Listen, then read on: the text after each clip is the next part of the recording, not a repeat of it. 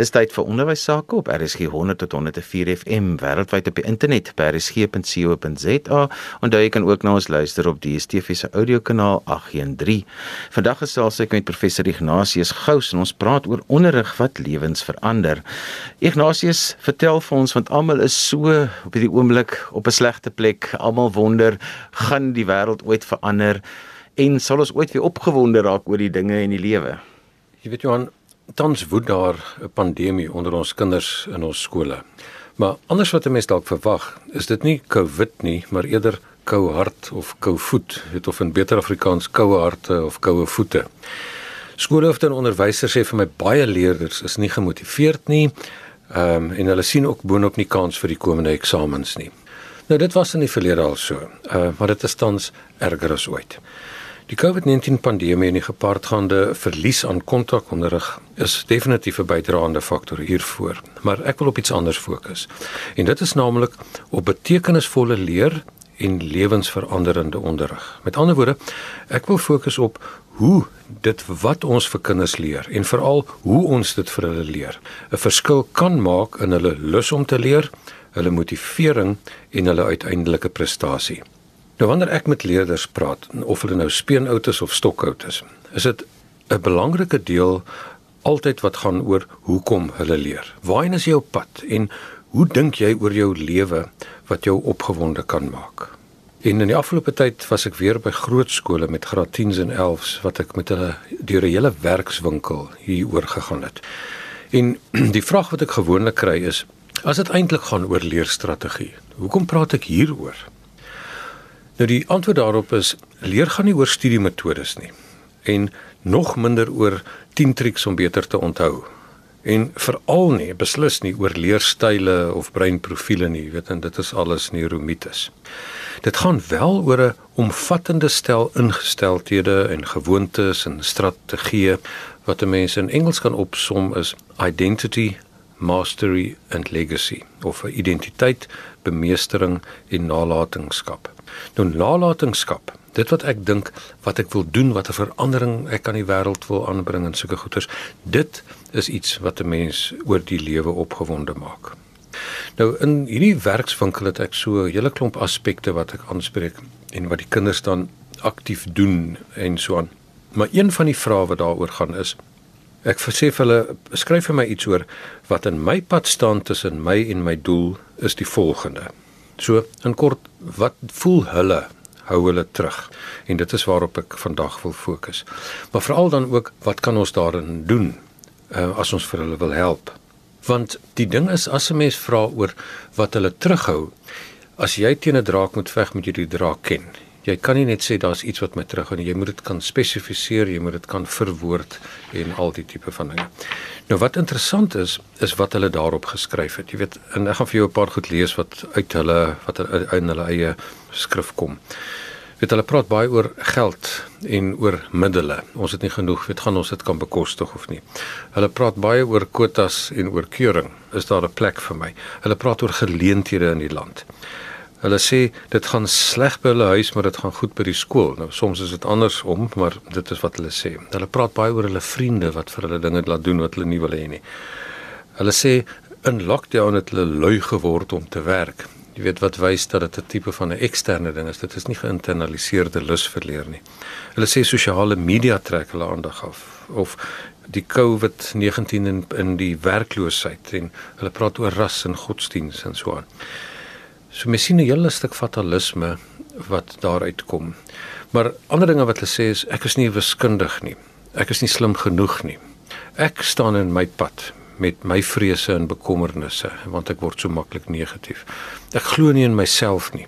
Ek het geen lus vir leer, lewe en vriende nie, skryf een. Ek is lui, ek is ver agter. Ek is bang vir die lewe. Ek sukkel om besluite te neem en my emosies te beheer. Hier is eene wat baie interessant was wat geskryf het. Ek moet my emosies met woorde kan uitbeeld en ek sukkel daarmee as gevolg van mense wat my afbreek en my kind en my ouers wat negatief teenoor my is. Of ek fokus nie goed nie. Ek begin te laat leer. Ek stel uit. Ek is nie baie aktief nie en ek gee maklik op. Ek luister na wat ander sê en ek doen nie wat ek self behoort te doen nie. Die enetjie sê my kop is my grootste vyand. Ek is bang vir die toekoms. Of tydsbestuur. Ek los moeilike dinge vir laaste. Ek sukkel om by te bly.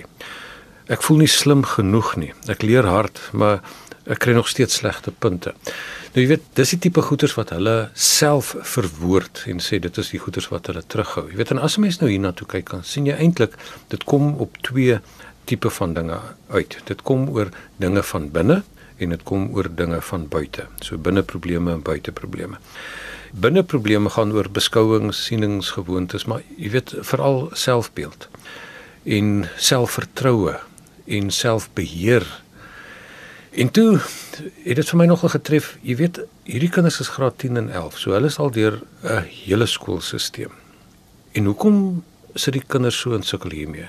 Mens moet ook sê dis nou nie almal nie, daar's baie kinders wat baie gemotiveerd, baie aan die gang is en alles, maar as 'n groot deel, die oorgrootste meerderheid van daai meer as 1000 kinders wat ek al hier deur gesit het, sê hierdie tipe van goeters.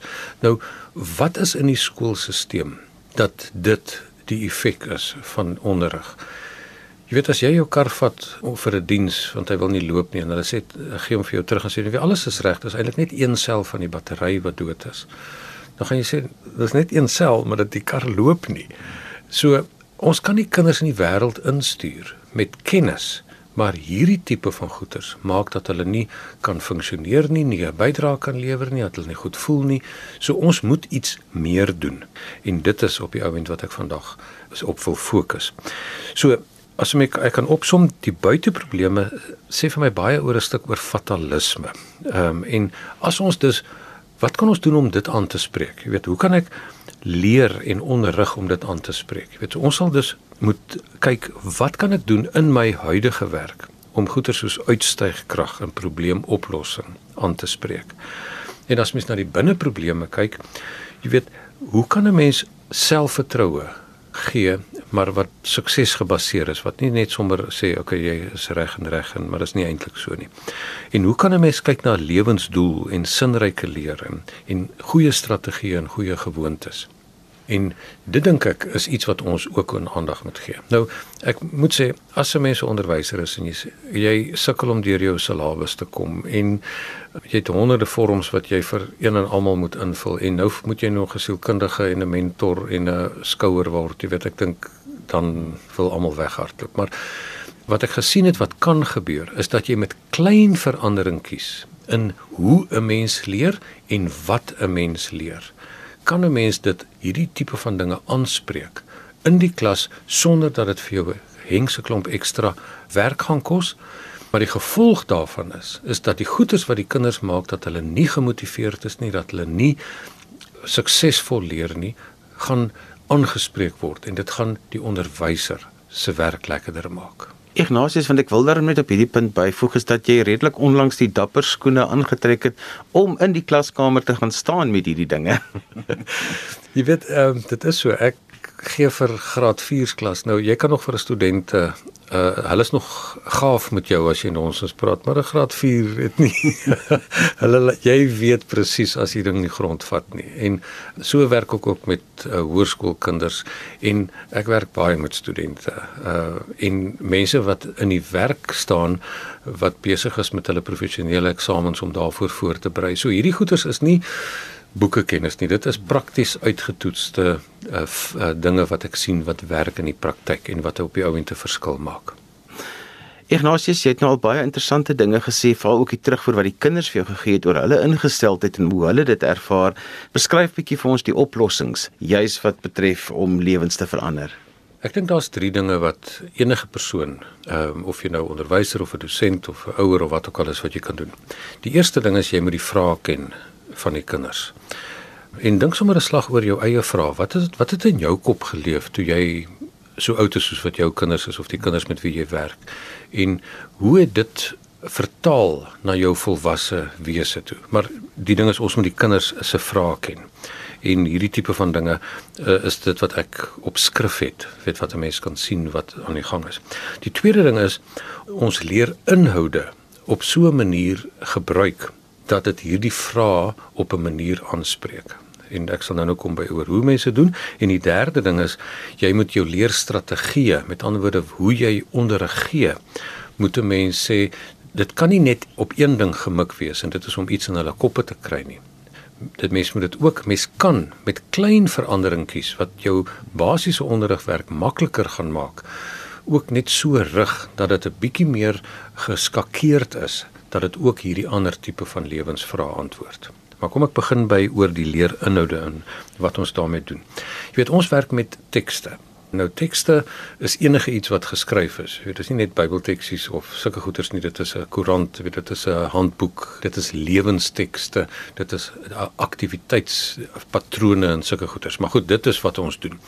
En 'n mens moet gewoonlik dink 'n mens jy weet hierdie ding kom eenvlakkig na jou toe en ehm um, ek moet dit so aanvaar jy weet en hierdie ding se doel is om vir my sekere uh werk in my kop te kry so ek moet basies op memorisering en verstaan en daai goeters aangaan. Maar ek wil vir jou 'n voorbeeld noem. Weet Richard Dawkins die persoon wat nou redelik praat oor evolusie en geloof en sulke goeters. Hy het op 'n kol gesê jy weet hoe kan 'n mens in 'n uh, God glo wat vir sy seun Abraham sê gaan offer jou seun Isak. Jy weet, dit is mos 'n wrede ou. Jy weet nou op die oog af, op plat as jy daai teks plat kyk, weet die geskrewe ding wat in jou toe kom, dan is dit so. Maar as 'n mens agterkom in die tyd toe dit uh gedoen is, het hy 'n sekere vraag geantwoord. En daar wil ek nou aansluit by Hans Georg Gadamer weet die filosoof wat gesê het weet as jy met 'n teks besig is moet daar horisonversmelting plaasvind. Met ander woorde jou horisonne denkhorisonne en die teks die outeur se denkhorisonne moet op mekaar by mekaar uitkom. Hulle moet versmelt en dan beteken dit hy moet sekere iets vir jou doen. En hy het op die ouend gesê dis wanneer jy na enige teks kyk moet jy jy vra dat jy as leser ek vra die vraag na die vraag waarop die teks die antwoord was. Nou as jy nou kyk na hierdie ding van uh Isak en Abraham daar teen die bultyd. In daai tyd was daar kinderoffers wat wat hulle aan Moloch geoffer het. En op die ou end wou hulle gesê het, maar goed, kom ons dit is nie 'n goeie ding nie. So ons moet kinderoffers hier uit die stelsel uitkry. Maar as jy regtig vir mense direk sê, dan is dit amper soos met vandag se pandemie, jy weet, moenie so glo nie, dan kry jy hierdie backfire effek. Nou moet jy 'n strategie kry. Hoe kry ek hierdie gedagte oor by hulle? En as jy dit dis nou vir hulle sê, nou maar goed, hier is iets, maar hier is 'n alternatief dan beteken dit hierdie teks word dus 'n stuk kultuurkritiek en strategie om iets baie diepers aan die hand te doen en jy kan met ander woorde iets baie beter en dieper verstaan. En so moet 'n mens na elke ding tipe van kyk. As jy byvoorbeeld nou sinema Afrikaans gee en jy moet gedigte gee, dan beteken dit mens kan sê goed, ehm um, dis die betekenis van die woorde, hier is die rympatrone en daar's al daai tipe van dinge. Maar as jy sê, wat is die vraag? Waarop hierdie gedig geantwoord wil wees. Wat is die lewens ding wat hulle aanspreek? Sê dit iets vir my van die kinders se lewens. Ehm um, wat is die oplossing wat hulle gemaak het? Uh is dit iets wat vir my doen? Want jy weet byvoorbeeld as jy weer eens terugkom na Isak en uh Abraham se storie, moet ons offer nie meer nie, weet ook nie eers diere nie. So maar daar die hele ding van kultuurkritiek en dat jy met ander woorde kan ehm um, op die manier die wêreld vooruit kry is nog steeds iets wat ons vandag nodig het en hoe doen 'n mens dit? Maar goed, nou sê ek met die met die gedigte, as jy dus met ander jou tipe vrae vra dat hierdie goeters vir hulle help om te sê hoe het hierdie persoon 'n uh, moeilike ding aangespreek en kom ons doen dit is ook so. Ek hoe het hulle tipe van emosies verwoord? Want jy weet ek bedoel as jy sê ek is kwaad, jy weet dan dit is eenduidig. Maar as jy kan sê maar kwaad kan wees, ek voel bedreig of ek is teleurgestel of ek voel ingeperk of ek voel oor die hoof gesien. Aan die ander kant eh, ek is hartseer of ek is depressief. Want baie van die kinders skryf hulle is depressief, maar beteken dit hulle is teleurgestel, hulle is verneder of wat? So jy moet jy kan vir hulle help om woorde skat te koppel aan die tipe van emosies terwyl 'n mens sê wat is 'n gedig en wat is skryf? Jy weet die hele ding van skryf weer as jy nou sê nou maar goed kom ons skryf mooi. Ehm um, die hele ding van journaling jy weet of met ander woorde om te skryf wat jou belewennisse is dit word teenoor beskou as een van die beste maniere om op die dinge te doen. So as mens dit kan koppel aan hierdie tipe van goeders, dan beteken dit dit is meer as twee vleie met een klap. So, dit is die hoe mens leer inhoude kan doen. Leerstrategieë hoe ons kan onderrig, weet wil ek vinnig na drie goeders kyk. Mindset, weet die hele ding van 'n uh, legkaart leer en dan ook 'n leerprogram. Jy weet hoeveel kinders sê, weet ek kan nie wiskunde doen nie of of ek sukkel hiermee of ek het nie die regte punte nie of ek voel dom en en so aan. Jy weet dit wys ons sit nog almal steeds met hierdie fixed mindset. Met ander woorde, jy word uh, dom, medium of slim gebore en jy kan min of meer op en af in jou silo beweeg, maar jy kan nie silo spring nie. So as jy gemiddeld is as jy vir die res van jou lewe gemiddeld en dit is eenvoudig nie waar nie. Karel Dweck se ehm um, navorsing het dit gewys. So as ons dus vir hulle kan sê as jy sukkel dat die boodskap wat jy moet terugkry is nie dat ek uh nie kan nie. Dit is ek het nog nie genoeg nie. En as ek foute maak, beteken dit nie o, oh, dit is die slegte dinge waarvoor jy gelag voor kan word nie. Dit is wys vir jou ek is besig om op 'n pad van leer te weet, hierdie uh, forward mistaking, weet daai tipe van dinge wat 'n mens kan doen. So om dit in te bou in 'n mens se leer en hoe 'n mens die klas hanteer ehm um, gaan 'n reuse verskil maak aan die kinders se motivering want jy weet as 'n mens nie goed doen nie dan beteken dit uh, dit help nie jy sê maar jy kan of wat ook al nie. Dit moet gebaseer wees op werklike uh, prestasie jy weet daar's 'n storie van die bokser wat in die kruit is jong en hy word deur die ander ou geslaan wild en wakker en elke keer as hy terugkom in die hoek dan sê sy afrigter vir hom nee dit gaan nie te sleg nie toe hy nou die derde keer terugkom toe sê hy hoorie so jy moet die ref dop hou want iemand slap my daar Jy weet so 'n mens as jy heeltyd dop of sleg doen of sulke goeters en jy leer en jy kry dit nie. Ons moet kan dinge doen om te sê nou maar goed, wat kan 'n mens doen met kleiner toetsies met 'n uh, manier om foute te hanteer, te interpreteer, uh, metakognisie, al daai tipe van dinge om vir hulle te wys maar wie dit gaan oor potensiaal en dit is net uh, met ontwikkeling. Dit is nie 'n 'n vasgestelde ding jy is vir die res van jou lewe dom nie. Die ander ding is oor die legkaart metode wat nog steeds beskou word as een van die beste en sterkste metodes om te memoriseer en goeie resultate te kry, maar hy het 'n klomp ander voordele ook. As ek sien hierso hoe die kinders sê, maar ek is skaam om te praat of ek ehm um, weet nie hoe om dit oor te dra nie en so aan. Jy weet ek was ook ek is nie natuurlike spreker nie. Ek kom ek het regtig moeilik deur my lewe gekom om te praat en te praat en te praat, maar wat vir my gehelp het is wanneer 'n mens goed voorberei.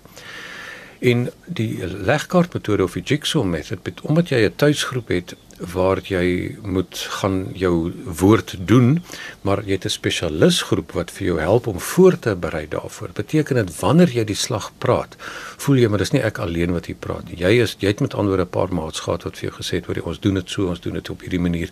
Uh, hier is 'n oulike idee, jy weet en wragties daar kry ek dit reg en o dit begin 'n ding en nou kan ek goed praat. So daai hele ding van om 'n leerstrategie of 'n onderrigstrategie toe te pas wat nie net vir hulle help om die werk baie beter te leer ken nie, maar ook 'n stuk persoonlikheidsontwikkeling te hê. Dit is iets wat uh, ek dink uh, kan help. Die laaste ding gaan oor die leerprogram. Meeste van hulle sê jong, weet ek begin te laat leer of ek ehm um, is lui en sulke goeders. Nie weet luiheid is nie noodwendig dat ek is nie lus om te leer nie. Dit is beteken dat ek stel uit want ek sien nie kans nie want ek ek gaan alweer uh sukkel daarmee en ek gaan alweer dit nie reg kry nie en sulke goeders. Maar as 'n mens vir hulle die ding hierdie olifant opbreek in bytbare stukkies dan beteken dit nou is dit iets wat ek kan doen en vragties ek kry dit klaar. O, oh, dis 'n sukseservaring. Hm, ehm um, nou begin ek belangstel want wie wat die werk omdat ons dit op die inhoude op so 'n manier gedoen het dat dit vir my werklike lewensvrae antwoord.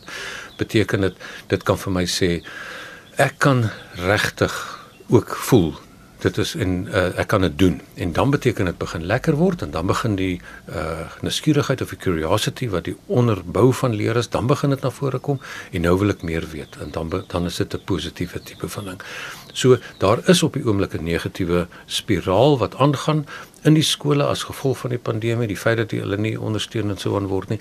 Maar ons kan dit omkeer. Eerstens, deur werklik te weet wat hulle vra is, ons kan dit uh doen deur die, ons die leerinhoude. Jy weet as dit en dit kan is nie net in Afrikaans nie, dit is in wiskunde om te weet weet hoe kan dit vir my help om 'n besigheid te begin of want ehm uh, dit kan in die wetenskappe, dit kan in elke vakgebied wees om te wys hoe kan ek werklike lewensvrae aanspreek. So as ons dit op so 'n manier aanbied en dan ons onderrigstrategieë so inrig dat dit nie eenvlakkig net op memorisering en bemeestering gerig is nie maar ook op lewensveranderende uh, vaardighede dan beteken dit ek dink ons kan 'n groot ding doen om die negativiteit wat tans in die onderwys onder ons kinders heers om dit aan te spreek.